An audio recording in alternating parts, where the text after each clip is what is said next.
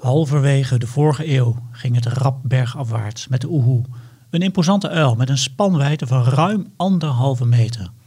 De laatste twintig jaar is deze vogel bezig aan een comeback en zijn er al ruim 50 territoria bekend in Nederland.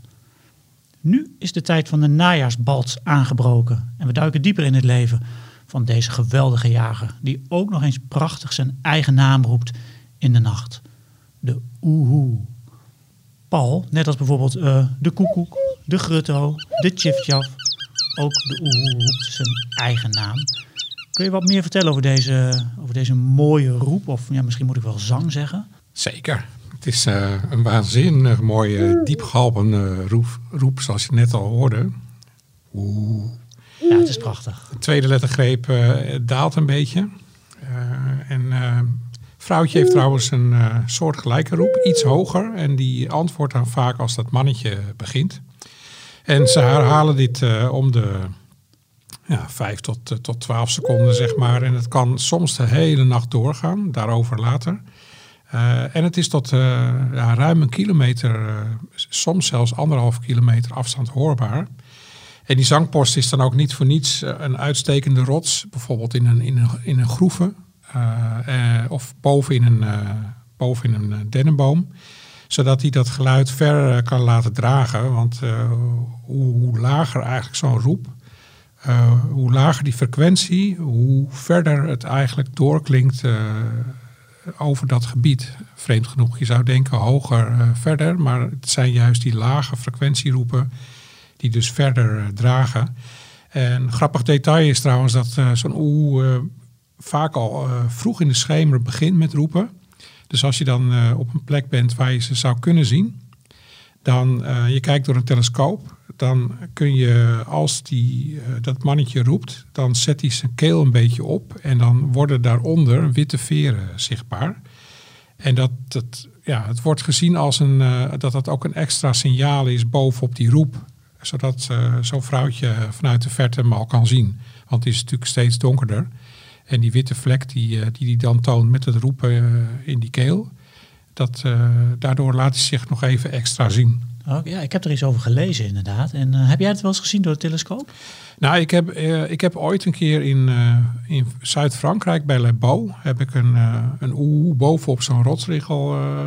en dat was inderdaad ook vroeg in de schemer. En toen hadden we nog geen telescoop, maar wel een, een verrekijker. En dan kon je dat inderdaad zien. En het bolt ook een beetje op, zeg maar, die keel, met dat roepen. Hij heeft ook een, best wel een enorme snavel... Dus op het moment dat hij, uh, die, dat, dat opent en hij zet zijn keel op om uh, dat geluid te gaan produceren, dan zet hij blijkbaar die keelveren ook op. En daardoor zie je daaronder dat witte donsachtige. En dat, dat maakt hem dus extra goed zichtbaar.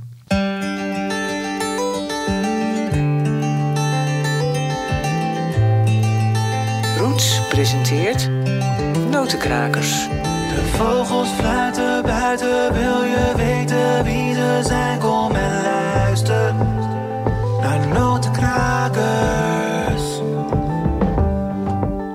Welkom bij de podcast Notenkrakers. Mijn naam is Daniel Mulder en in deze podcast neem, neem ik je mee in de wereld van de zingende, chilpende, piepende en kwakende vogels.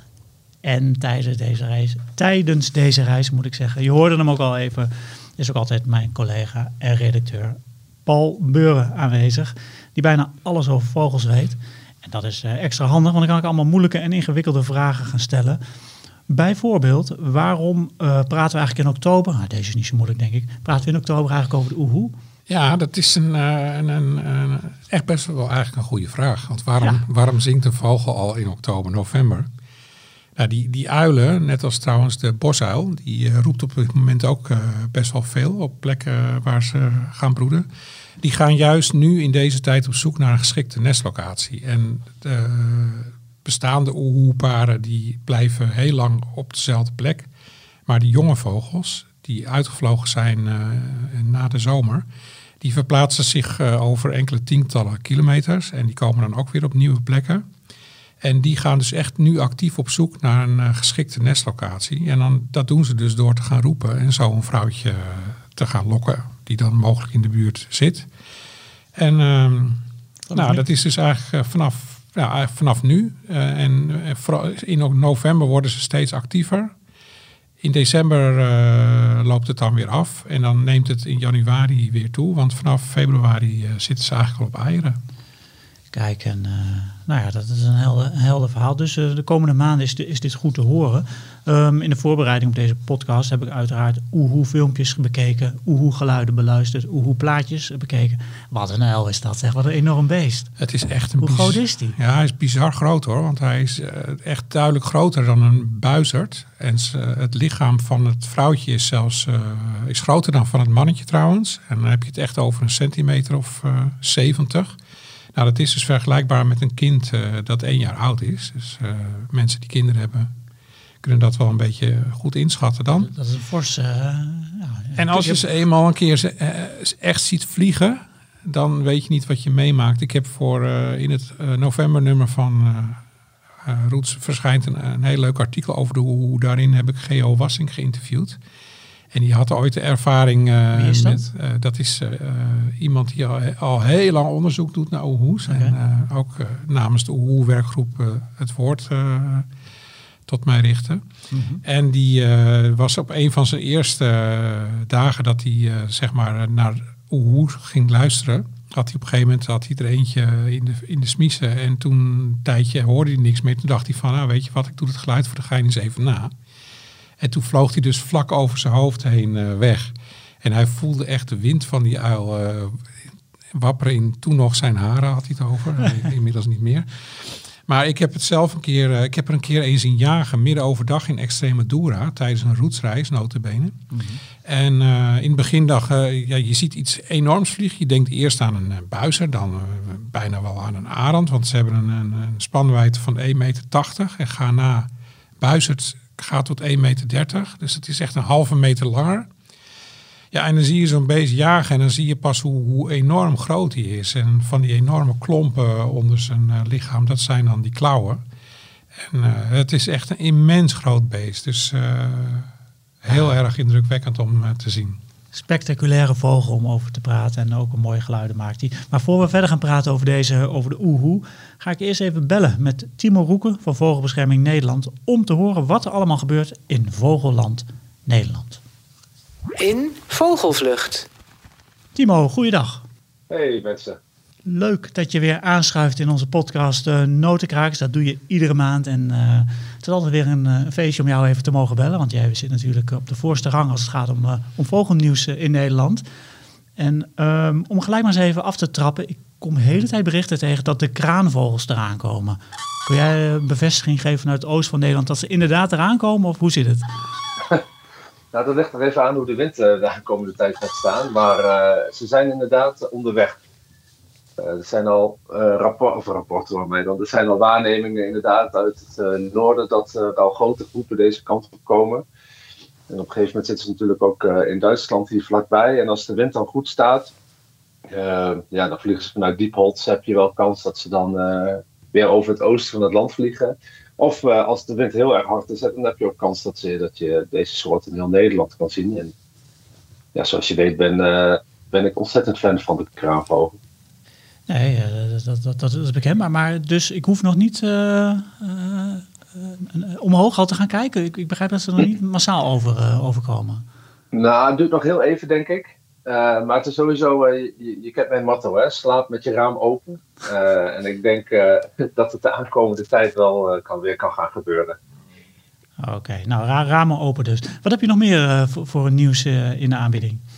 Zoals je weet, ik vind oktober is voor mij echt de, mijn favoriete maand van het jaar. Ik vind de herfst ook mijn favoriete seizoen van het jaar. Dat heeft eigenlijk alles met de migratie van vogels te maken. Alle vogelsoorten die broeden in, het, in de zomer. Dus die populaties die vergroten zich eh, enorm. En sommige zelfs verdwee, verdrievoudigen. Dus er is gewoon, zijn niet alleen leuke soorten te zien. In het voorjaar bij je tijdens de trek, wat ze dan noemen, wat meer afhankelijk van krenten.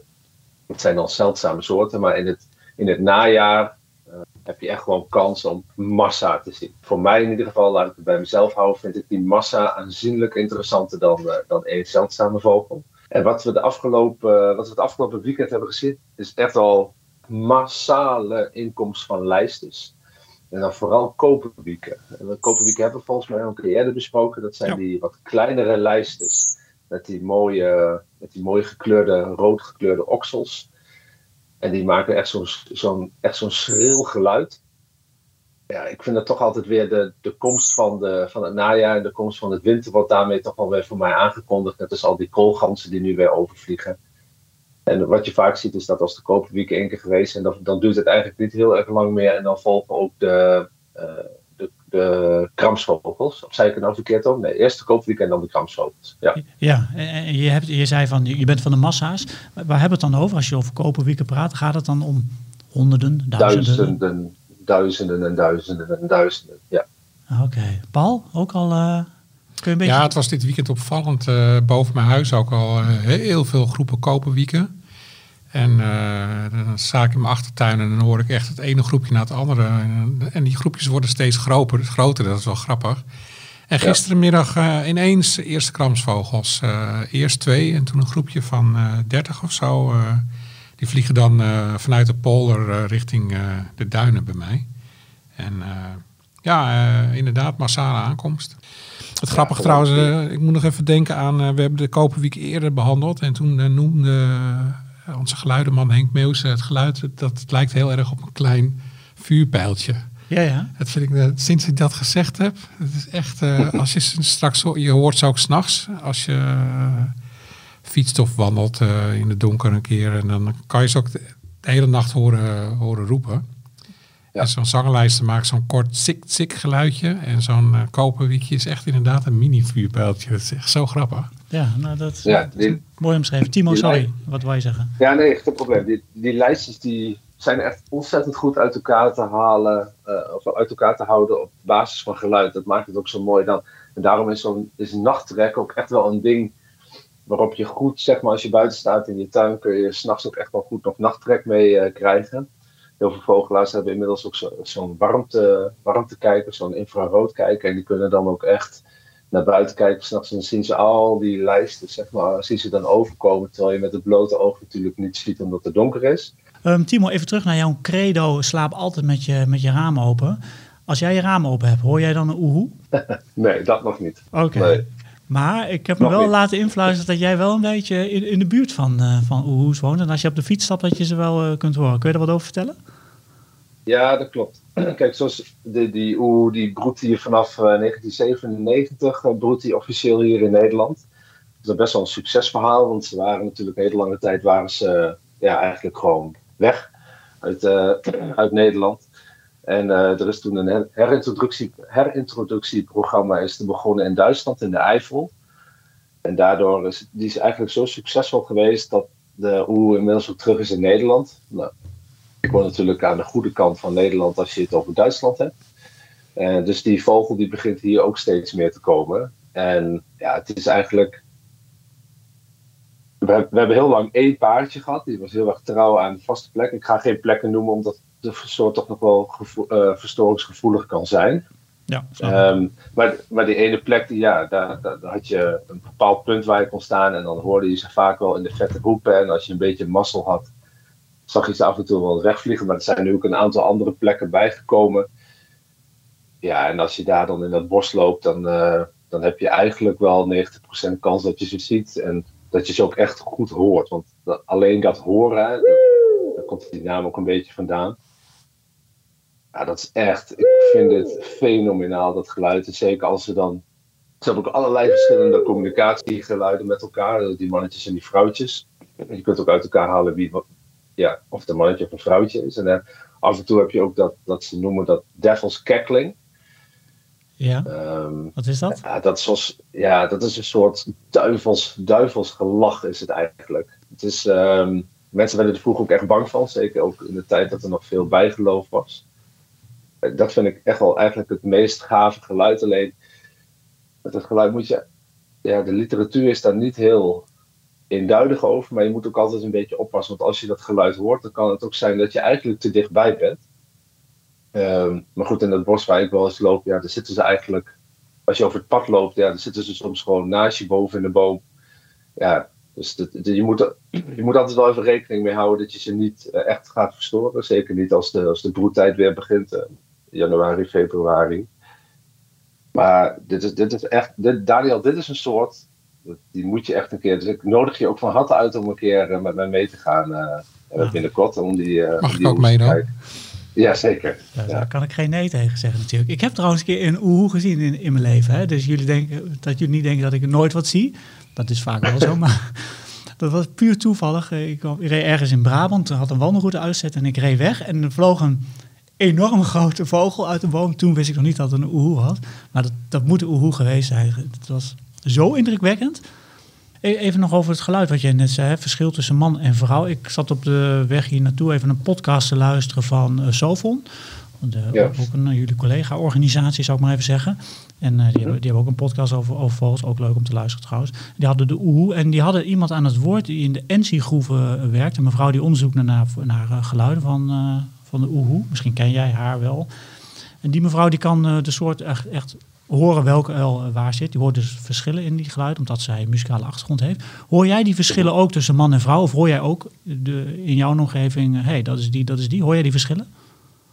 Ik, ik hoor vaak wel of het een man of een vrouw is, dat zeker bij bepaalde roepen, maar ik hoor niet. eh, volgens mij hoorde ik, volgens mij heb ik die podcast geluisterd en hoorde zij zelfs welk individu het was. Ja, klopt. Omdat zij, eh, omdat zij een zo scherp eh, muzikaal gehoor had. Klopt, ja. Ehm, mijn muzikale gehoor is, eh, is, is redelijk, maar ik heb ook mijn koptelefoon vroeger wat te had gehad. Dus ik, in, die, die, eh, die nu wel eens mis ik denk ik een beetje.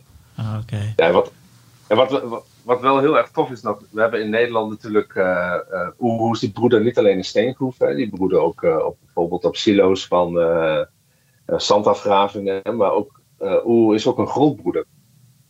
En dan kan iedereen een keer aanraden om eens op YouTube of op, op Google even te zoeken naar een, een, een oehoe die de houding aanneemt als die zich bedreigd voelt. Wat, voor een, ja, wat er dan eigenlijk ontstaat. Dan, dan, misschien kan Paul daar wat over vertellen, die weet het vast.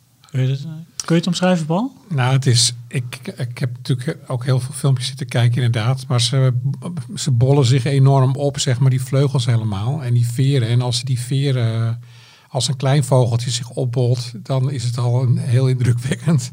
Laat staan zo'n oehoe die, uh, die uh, bedreigd wordt, die, die zet al zijn veren op. En dan worden die, die oren gaan nog eens extra omhoog en, uh, en verbreed. En, en dan die ogen.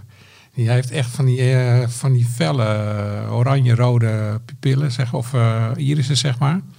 En ja, dat is echt. En dan gaan ze ook nog dreigende geluiden maken. Nou, het is heel indrukwekkend, moet ik zeggen.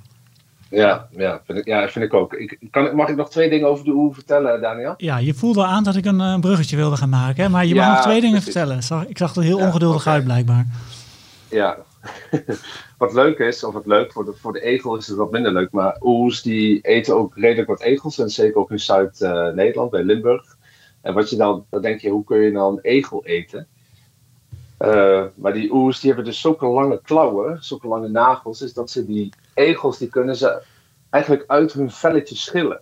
Ze zetten dus één nagel, zetten ze achter de schedelbasis en dan rollen ze zo, ze die, ja, de mensen thuis zien, of die, die horen het natuurlijk niet, maar ik, ik maak met mijn hand maak ik een schilbeweging. Mm -hmm. Dus je vindt, ik, ik heb in Limburg wel eens een paar keer zo'n schil van zo'n van zo'n egel gevonden. Dat is echt indrukwekkend. Dat is, ja, dat is ergens zo'n beetje eng, maar zo'n oe weet, dus, weet zich dus eigenlijk precies aan te passen aan de, aan zijn omgeving en ook die egel gewoon op te eten. Dat is wel een gruwelijk beeld wat je schetst trouwens, maar goed. Ja, dus ja, de natuur sorry. is gruwelijk.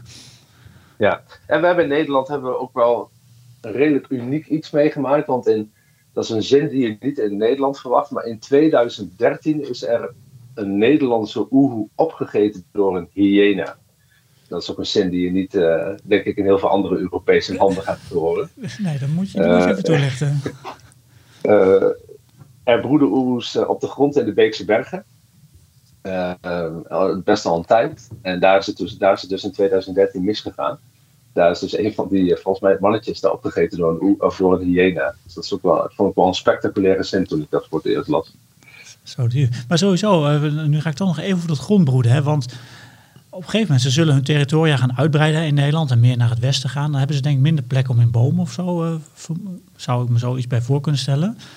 Denken jullie dat hij echt eh, naar, naar het westen gaat of niet? Of, of ga- gaat dat lukken? Gaat hij heel Nederland eh, eh, veroveren? Nou, ik heb natuurlijk eh Geo geïnterviewd. En dit jaar is dus eh, voor het eerst een broedgeval in Utrecht. Dus hij breidt zich inderdaad langzaam aan uit naar, eh, naar het westen. Ja, En er zijn ook gewoon oers die ook weer, dat zie je in Duitsland ook, die gewoon weer in de, in de stad broeden. Ja, Ja. Vroeger was het echt zo'n soort voor het buitengebied, maar ze trekken ook steeds verder de stad binnen. We hebben een tijdje in Enschede, hebben we ook in het, eigenlijk net naast het centrum ligt de haven van Enschede. Nou, moet je niet te veel, niet te veel voorstellen, maar er is een haven. En daar heeft een tijdje ook gewoon een, een paardje oehoes gezeten. En die, eh, die leefde daar eigenlijk volledig van, eh, van ratten en, eh, en andere kleine knaagdieren. Maar het was schijnbaar toch genoeg voedsel om daar een flinke tijd te zitten en ook te balsen. En, dus dat was ook wel een feest om dat toen de tijd te zien. Maar nu we toch in het westen een beetje aanbeland zijn qua verhaal. Jullie zoeken ook altijd een natuurgebied eh, van de maand uit. En ehm, dat hebben jullie nu ook weer gedaan. Ehm, Paul, Timo, wie wil, hem, eh, wie wil aftrappen? Ja, het westen van het land, hè, dus dan weet je al wie mag aftrappen. Nou, Paul dus. eh, Paul, je mag Ja, wij, wij, wij raden aan om eens een keer, als je er nog niet geweest bent, naar IJmuiden te gaan. Eh, de laatste weken regelmatig flink stormachtig weer. Wie aan de kust heeft kunnen zitten als vogelaar, eh, heeft kunnen genieten van eh, enorme hoeveelheden Jan van Gent. eh, zelfs best wel veel pijlstormvogels. Maar ook heel veel alken en zeekoeten. En met name die alken, best wel bijzonder, want die zie je niet zo vaak in grote aantallen bij ons voor de kust. En als er één plek is waar je ze echt heel goed kan bekijken, dan is het de Zuid- en Noordpier eh, van IJmuiden. Omdat die nou eenmaal best wel een stukje de zee ingaat. En ehm, daar aan de binnenkant van die eh, pieren eh, zit op dit moment best wel veel alken en zeekoeten. En die kan je er heel mooi bekijken. Verder eh, heb je er ook gewoon kans op Jan van Gent vlakbij over je hoofd scheren. En op het strand straks in november zeker ook weer sneeuwgorsen. En vaak ook bijvoorbeeld de rosse franjepoot die daar vanaf de pier goed te zien is. En het Kennemermeer is ook heel leuk vlakbij de Zuidpier eh, om vogels te kijken. Echt een hele goede plek in eh, het najaar. Klinkt, eh klinkt. Hey, Timo, nog iets op aan te vullen op deze, op deze Eh, locatie? Ja, het is, ja, ik vind het ook altijd een mooie plek om zeehonden te zien. Ik vind het ook altijd een feest om die mooie grote zoogdieren te zien.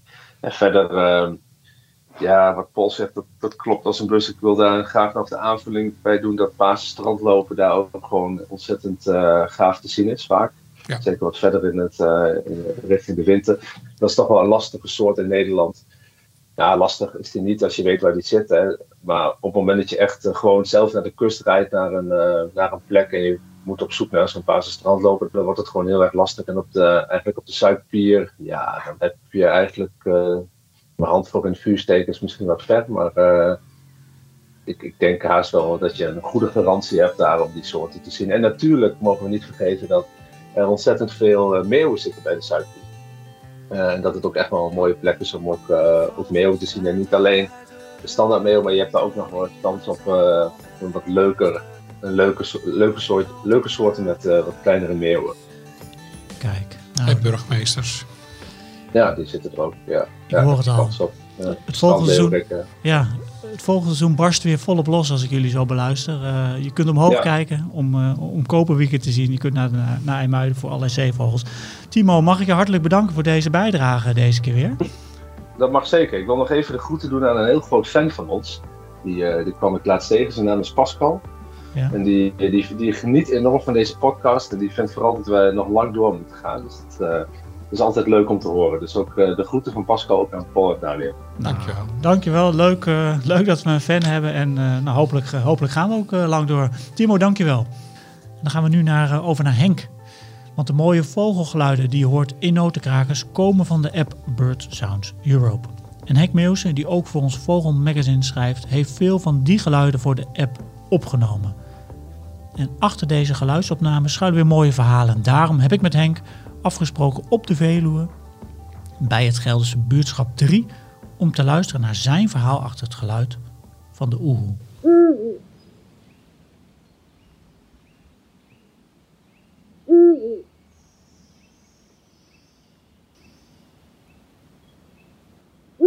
Henk, wat hoor je hier allemaal? Ik durf het bijna niet te zeggen. Een vogel die ik nog nooit in het veld heb gehoord, laat staan opgenomen. Erg toch? Henk, je lacht er gewoon bij. Dat, dat schrok mij diep. Ja, maar dat lachen, dat is natuurlijk om mijn schaamte te verbergen, je snapt het wel. Nee, nee zonder gekheid. Ik, ik, ik zit er op zich niet mee, want er zit een mooie opname in de, in de app. Van iemand die ook nog eens overleden is. is ook wel mooi dat dat, dat, dat, dat een beetje, eh, dat in die zin dat het leven doorgaat. Maar ik ben hem nooit tegengekomen. En ja, er, zit een, hij begint nu wat toe te nemen in Nederland. Hè. Maar eh, ik heb ook wel eens een microfoon, zo, ik weet niet hoe lang in een gebied staan. Ik ben hem nog nooit tegengekomen. Hij heeft nooit toevallig in een opname st- gestaan. Heeft, eh, het is niet dat hij met grote bogen om me heen vliegt en dat hij me vermijdt, me mijt. Maar, en van de andere kant, ik heb het wel eens vaker verteld, maar ik ben ook wel een beetje van de zangvogeltjes. Kijk, die oehoe is voor veel vogelaars natuurlijk een soort die je gezien moet hebben. Het is een eh, uil in het kwadraat. Het is de categorie eh, gieren, uilen, wouwen, arenden, weet ik wat allemaal. Maar ja, ik ben toch echt van de zangvogels. Ja, ik, ik kan me voorstellen dat, dat je achter zo'n uil aan wil. Maar jij bent van de zangvogels, je zegt het al. Maar zo'n oeh, heen, kom op. Dat is gewoon de, een van de grootste uilen ter wereld. Die wil je toch gewoon opnemen? Ja, die wil ik wel een keer opnemen. Kijk, en dan moet je niet hebben wat wij nu hier hebben. Een helikopter eroverheen, want die, die oehoe... Nou, die is natuurlijk, ik geloof, vooral s'nachts actief. Dan eh, heb je wat minder van dit soort vliegverkeer. Die, ehm, ja, dan moet je dan wel echt gericht naar een pad. En op zich is het niet, nou ja, weet je wat? Het, het is een beetje hetzelfde als met de edelherten. Ik heb ooit in mijn boekje wat ik heb geschreven naar aanleiding van de Nieuwe Wildernis gezegd... Ja, in mijn studententijd, toen ik bosbouw studeerde, die studenten wilden naar de burrelende edelhert. Ik vond het allemaal een beetje gedoe. Totdat iemand mij een keer eh, bij de edelherten dropte. Ik zat dus midden tussen de burrelende edelherten. Nou, eh, toen was ik wel genezen hoor. Genezen in de zin van, ach, het is allemaal gedoe. Ik heb toen wel meerdere jaren achter elkaar met mijn microfoon tussen de burrelende edelherten gestaan. Want het was dus wel ja, wel zo fascinerend om dat op te nemen. Dus ehm, ondertussen zit de oehoe geloof ik ook op de Veluwe. Dus misschien moet ik die persoon eens vragen of hij mij een keer bij een oehoe kan droppen. Ja, want als je het geluid hoort, het is een prachtig geluid. Hij roept een beetje, eh, ja, wat is het? Ja, oehoe, hè? Het, het is wat het is. Nou, sterker nog, mag ik eens voorlezen? Ja. Het gaat precies over wat jij nu zegt. Ehm Vroege Vogels heeft eh, nou, eh, 2010 geloof ik eh, de Vogeltop 100 eh, uitgegeven. En de Oehoe heeft daar de 55ste plaats gehaald. En ik wilde er graag tekstjes bij schrijven. Toen zei de vormgever, Henk, je hebt 70 woorden per soort. En toen ontdekte ik voor het eerst, dacht ineens, ik ben een schrijver. Dan heb je 100 woorden en moet er wat af. Hé, hey, wordt alleen maar leuker. Minder woorden, het wordt alleen maar leuker. was echt voor mij een verrassing. Ik ben een schrijver. En even een zijstapje. Ondertussen, ik ben nu een roman aan het schrijven. En de hoofdpersoon is een vogelaar. Ja, dat, dat moest ook bijna wel natuurlijk. Maar eh, spannend dat je een roman schrijft. eh, die, als het zover is, dan gaan we het zeker noemen. Hè, dat, dat hij in de winkels ligt. Maar je bent nog niet zo ver, geloof ik.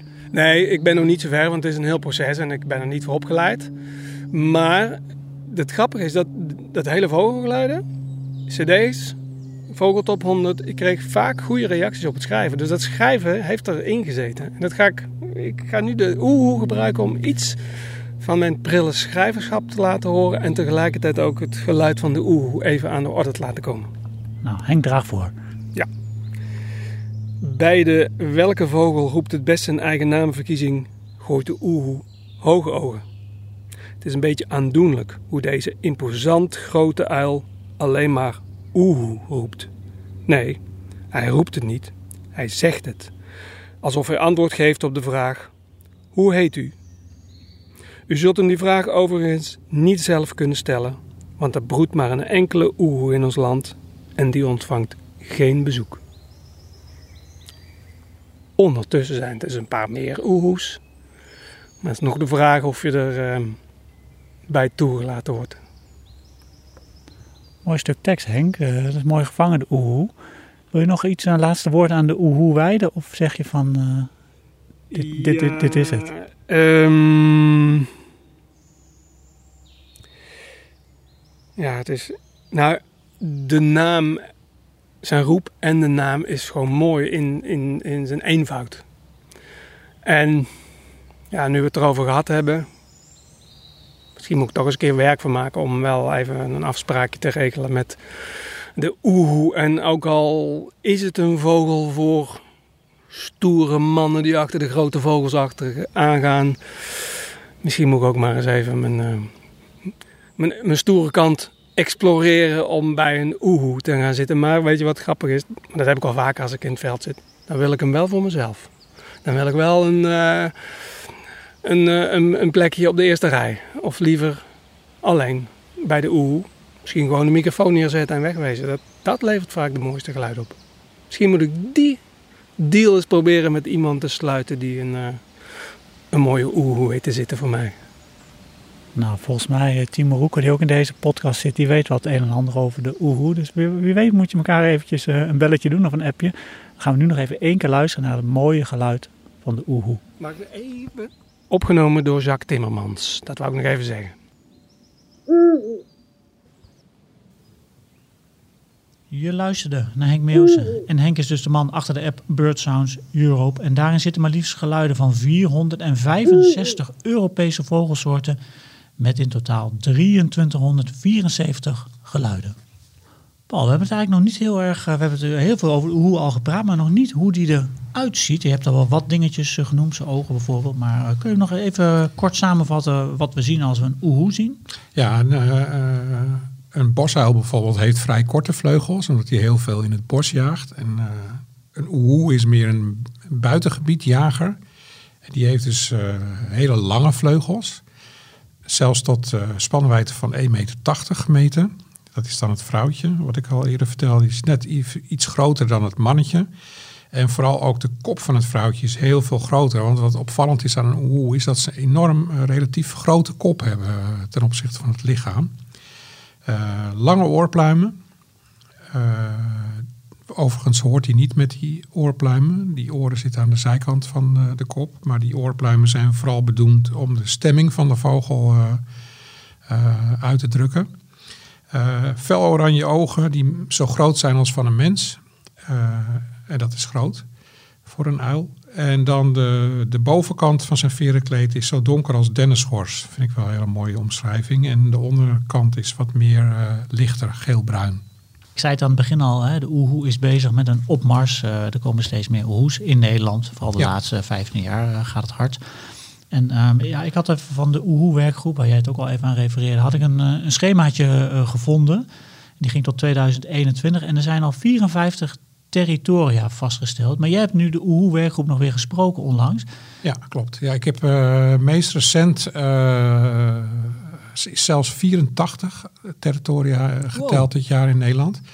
En ze hebben dus gewoon een, ja, een toename van op dit moment van bijna 20% per jaar. Dus dan gaat het echt heel hard. En uh, de reden daarvoor is eigenlijk, uh, nou, wat, wat Timo al eerder vertelde. Ze, zijn dus, ze waren vorige eeuw op een gegeven moment veel groot, in grote stukken van Europa uitgestorven. Gewoon door, door bejaging van de mens, omdat ze grote concurrentie waren met de jagers zelf. Omdat ze heel graag konijnen en hazen eten en de jagers dus ook. Inmiddels heel succesvol via een, heel groot herintroductieproject, in de, vooral in de Eifel terug aan het klimmen. Uh, eerst vogels werden vanuit de Eifel in Wallonië en Luxemburg gezien. Dat ze daar weer territoria bezetten. En dus vanaf 97 in, in de Ensigroeven in de Sint-Pietersberg. Nou, wat eigenlijk ook het verhaal achter hun succes is, is dat ze gewoon hele enorme variatie in nestplekken hebben. Ze broeden het liefst in oude roofvogelnesten. Maar ook net zo goed op de grond. Op plekken waar, waar het gewoon kan. Maar ook op echt bizarre andere plekken. Zoals waar Timo het al over had. Gewoon apparaten in, in groeves die notabene aan het werk zijn. Dus dan zitten ze trillend op een nest. Maar ook bijvoorbeeld in... ze zijn normaal... broeden ze op kliffen, hè, rotskliffen. in gebieden zoals de Alpen en zo. Maar in Nederland eh, heeft dus ook een hele tijd zo'n vogel op een kunstklif eh, in Burgersoe eh, gebroed, bijvoorbeeld. Ja, zijn wel bijzondere plekken. Maar ik Ja. kan me ook nog een keer een beeld herinneren van een jonge oehoes op een balkon of zo bij iemand. Ja, in België hebben ze dus al een keer op een, eh, in een bloembak van een eh, flatgebouw eh, gebroed. En dat kun je ook op YouTube eh, terugvinden. Dat is echt heel grappig, want die jonge vogels die eh, volgen natuurlijk alles wat beweegt. En die mensen hadden een vrij grote televisie eh, midden in de woonkamer staan. En op een gegeven moment zie je die jonge oehoes zie je gewoon door het raam naar die bewegende beelden op de tv kijken. Dat is echt gewoon briljant. Ja, ja, want je hebt natuurlijk een, voor route nummer 11, zeg ik even uit mijn hoofd, heb jij, daar zit een verhaal van de oehoe in. Hè? Die heb jij geschreven, dus heb je ook allemaal research voor gedaan. Ja. Die route ligt trouwens binnenkort donderdag in de winkel. Dus dan kun je, hem, eh, kun je hem zelf ook eens nalezen. Ik neem aan dat je ook allemaal weetjes eh, hebt opgeduikeld voor dat verhaal die je niet in het verhaal hebt geschreven, maar misschien nog wel eh, even wilt delen in deze podcast. Nou, wat heel erg grappig is, is dat ehm, de, hoe zeg maar, het mannetje in de nacht hebben ze geteld hoeveel keer die roept. En gemiddeld is dat 500 keer per nacht. Dus dan kan je wel nagaan dat je, als je in de buurt bent van een nest, dat je hem echt ook hoort. Slaapkamerraam dicht. Ja, maar eh, op 22 februari 2015 werd via de webcam van Beleefde Lente... heeft iemand blijkbaar eh, de hele nacht zitten tellen. Jongen, jongen. En die kwam tot eh, maar liefst eh, 1187 keer een roep van een oeh mannetje in één nacht. Dus dat is wel, wel spectaculair, vind ik. Zeker. Nou, wat Timo al noemde, de, de nagels van die oehoe zijn extreem lang, 2 tot 4 centimeter. Waarmee een eh, prooi als een rat bijvoorbeeld binnen een seconde eh, doodgeknepen wordt. Eh, verder worden oehoes in de, in de vrije natuur, ze kunnen heel oud worden. Maximaal eh, 20 jaar oud, wat echt heel oud is voor een vogel. Maar helaas sterven de meestal eh, voor het vijfde levensjaar. En dan vaak ook nog steeds eh, vanwege landbouwgif wat gebruikt wordt. En opgeslagen wordt in vooral eh, zoogdieren. En het is nog steeds de doodsoorzaak nummer één van de oehoe. Met name in Limburg en zo. En dat is, vind ik, vond ik best wel schokkend om ook van Geo Wassink nog te horen. Dat nog steeds heel veel uilen sterven door gebruik van landbouwgif. Ik dacht dat dat al, al heel lang verboden Ja, was. Maar het is deze week toevallig weer heel erg in het nieuws gekomen. Dat bepaalde soorten giften eh, nog steeds gebruikt mogen worden. Mooi weetjes, eh, Paul. Dan gaan we nu over naar, eh, naar ons volgende elementje in deze podcast. De vogelvraag.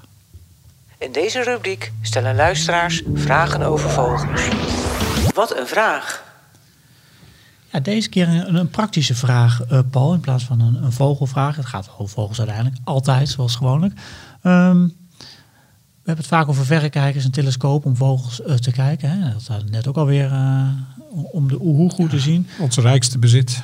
Jullie rijkste bezit, inderdaad. En ehm, ja, dan moet je natuurlijk ook altijd slepen in auto's en spullen en bos en waar dan ook. Daar worden spullen worden smerig. Hoe houd je je verrekijker of telescoop schoon? Ja, dat moet je sowieso niet doen met een eh, door jezelf gebruikte zakdoek. Maar hiervoor Oh. zijn heel handige speciale setjes beschikbaar.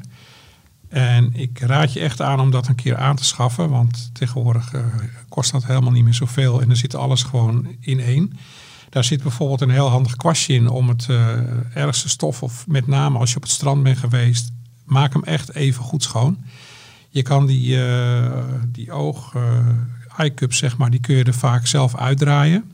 En dan kan je er nog veel beter bij. En dan kan je ze gewoon even goed schoonmaken met het kwastje wat daar dan in zit. Doe dat dan eerst. Eh, eventueel met een blaasbalgje het grootste vuil eerst er even afhalen. En dan vervolgens met speciale lenzenvloeistof en een schoonmaakdoekje eh, maak je die lenzen zowel aan de voor- als achterkant even goed schoon. En daarna eh, berg je hem op. Wat vooral heel erg belangrijk is, is in de zomer als je eh, date gebruikt tegen insecten of zonnebrandolie. dat, en je kijkt daarmee door je kijker en je gebruikt daarmee je scherpstelwiel. Met name dat date is, eh, is heel erg slecht voor, eh, voor eigenlijk alles van je verrekijker. Het kan zelfs gewoon eh, de, de omhulsel laten slijten of ja, dat is gewoon echt beschadigd. Ja. En dan kun je, ik, ik heb ben toevallig een keer met mijn verrekijker ook in een sloot beland. En die zat helemaal onder de modder en in het zand en troep. En zo erg dat ik dacht van, hoe moet ik er in godsnaam mee? hoe moet ik dit aanvangen? Je kan hem gewoon onder de kraan. eh, elke verrekijker kan je gewoon onder de lauwe kraan eh, helemaal afspoelen. Met groene zeep. eh, echt bi- biologisch groene zeep, zeg maar. Wat niet bijt. Maar Paul, even de verrekijker onder de kraan. Dan denk ik toch van, heb ik alle verrekijkers? Of tot een zeker eh, eh, prijsniveau? Ja, nee, in feite kan ge- gewoon verrekijkers kun je gewoon even afspoelen onder de kraan en daarna goed afdrogen met een, eh, met een, met een schone theedoek is het beste. Mhm. En hem eventjes goed laten drogen. En dat kan, dat, het is gewoon, die dingen zijn allemaal van binnen gasgevuld en daarmee ook gewoon waterdicht. En ik wilde ook nog even een tip geven. Tot, ik dacht tot 31 oktober kun je nog een mailtje sturen naar Roots eh, om uh, schoonmaakzet. Dat eh, durf ik eh, niet. Ze komen nog steeds binnen in de mail, want ik hou de mailbox eh, Volgens bij. mij En, is, het eh, tot, tot, eh, is de sluiting 31 oktober en dan kun je eh, een schoonmaaksetje winnen. Dat staat in het Eh, Vogelmagazine, toch? Die we hier eh, ja. hebben liggen. Nou, misschien kunnen we er even nazoeken terwijl ik ga afkondigen. Dan kunnen we nog even de juiste datum eh, noemen. Voor de mensen die deze podcast natuurlijk eh, snel luisteren als we hem eh, online zetten. Maar heb je nou ook een mooie vogelvraag, dan kun je die gewoon mailen naar info.rootsmagazine.nl. En Paul gaat dan proberen die, die vraag te beantwoorden. tot 30 oktober kan je insturen. Dus, Tot, oh, dus de mensen die deze podcast op tijd luisteren, die, die kunnen nog kans maken op een schoonmaakzet. Dus ik mag niet meer met mijn blouse of met mijn jas mijn verrekijker schoonmaken, begrijp ik hieruit. Beter van niet. Be- beter van niet. Nee, hij is ook niet meer zo heel goed, moet ik zeggen. Waarschijnlijk door dat gedrag. Dan zijn we aan het einde gekomen van deze, van deze mooie podcast bijna. Maar nog niet helemaal. Kijk, deze oehoe wou ik ook nog eventjes laten horen. Want daar heb ik gewoon helemaal geen kans voor gehad. Wat horen we hier toch allemaal?